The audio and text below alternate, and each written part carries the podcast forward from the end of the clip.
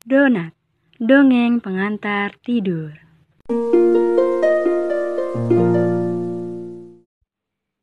Dongeng pertama, Selamat berkat basmalah. Dikisahkan ada seorang perempuan yang memiliki seorang suami munafik. Perempuan itu memiliki kebiasaan, ketika hendak memulai sesuatu, ia selalu membaca basmalah atau bismillahirrahmanirrahim. Suaminya yang mengetahui kebiasaan istrinya tersebut menjadi marah dan berkata kepada istrinya sendiri, Lihat saja nanti, aku akan membuatmu malu. Suami munafik itu lalu memberikan istrinya sebuah pundi yang berisikan emas dan permata. Seraya berkata, simpanlah pundi ini. Sang istri pun menerima pundi tersebut dengan senang hati dan meletakkannya di sebuah tempat sambil membaca basmalah. Setelah itu, ia menutupnya rapat-rapat dan pergi meninggalkannya. Suaminya memiliki niat jahat itu kemudian menunggu istrinya lengah. Ia pun melakukan berbagai cara agar sang istri lengah, sehingga ia bisa melaksanakan rencana busuknya. Ketika istrinya lengah, ia mengambil secara diam-diam pundi yang disimpan oleh istrinya itu. Usai berhasil mengambil pundi tersebut, sang suami membuangnya ke sumur di belakang rumah mereka. Ia lalu pergi menemui istrinya dan memintanya mengambil pundi yang telah dititipkannya. Sang istri pun mengambil pundi tersebut ke tempat ia menyimpannya. Ia lalu membuka tutupnya sambil membaca basmalah.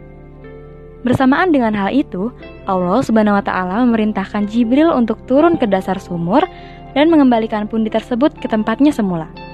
Sehingga ketika perempuan tersebut mengulurkan tangan untuk mengambil pundi itu, ia telah menemukannya sebagaimana ia meletakkannya. Bagai disambar petir di siang bolong, suaminya kaget bukan kepalang ketika istrinya mendapatkan pundi yang telah dibuangnya ke sumur.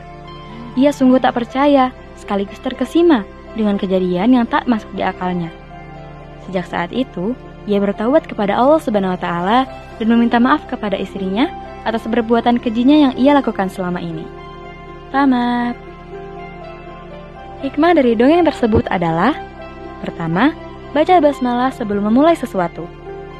Perempuan dalam kisah tersebut memiliki amal berupa doa yang dikerjakannya secara istiqomah, yakni membaca basmalah sebelum memulai sesuatu. Doa itu tidak panjang, tetapi mustajab.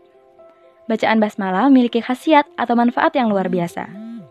Dengan membiasakan diri membaca basmalah sebelum memulai sesuatu, perempuan tersebut mendapatkan pertolongan dari Allah Subhanahu wa taala yang dirinya sendiri pun tidak tahu kalau sedang ditolong.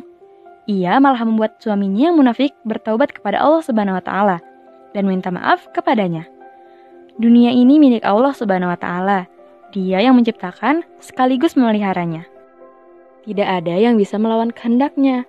Ia maha segala-galanya.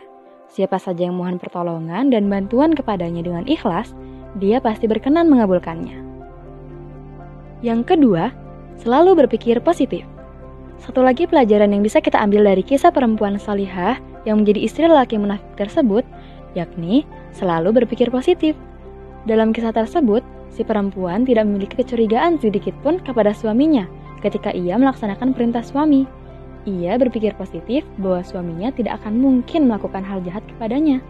Padahal, suaminya jelas-jelas berniat jahat kepadanya. Selain berkat doa yang diucapkan oleh si perempuan, yakni membaca basmalah, pikirannya yang selalu memancarkan aura positif mampu mengalahkan rencana jahat sang suami. Di sini dapat kita petik hikmah bahwa Allah Subhanahu wa taala akan senantiasa menolong hambanya dalam keadaan sulit. Dalam keseharian kita, sering kali kita memiliki pikiran yang negatif baik kepada orang lain, lebih-lebih kepada Allah Subhanahu wa taala. Misalnya, kalau kita sedang mendapatkan musibah, serta merta kita menyalahkan Allah Subhanahu wa taala, menganggap Allah tidak sayang kepada kita. Padahal, belum tentu pikiran negatif kita kepada Allah itu benar adanya. Nah, sekian donat malam ini. Selamat tidur dan jangan lupa berdoa ya.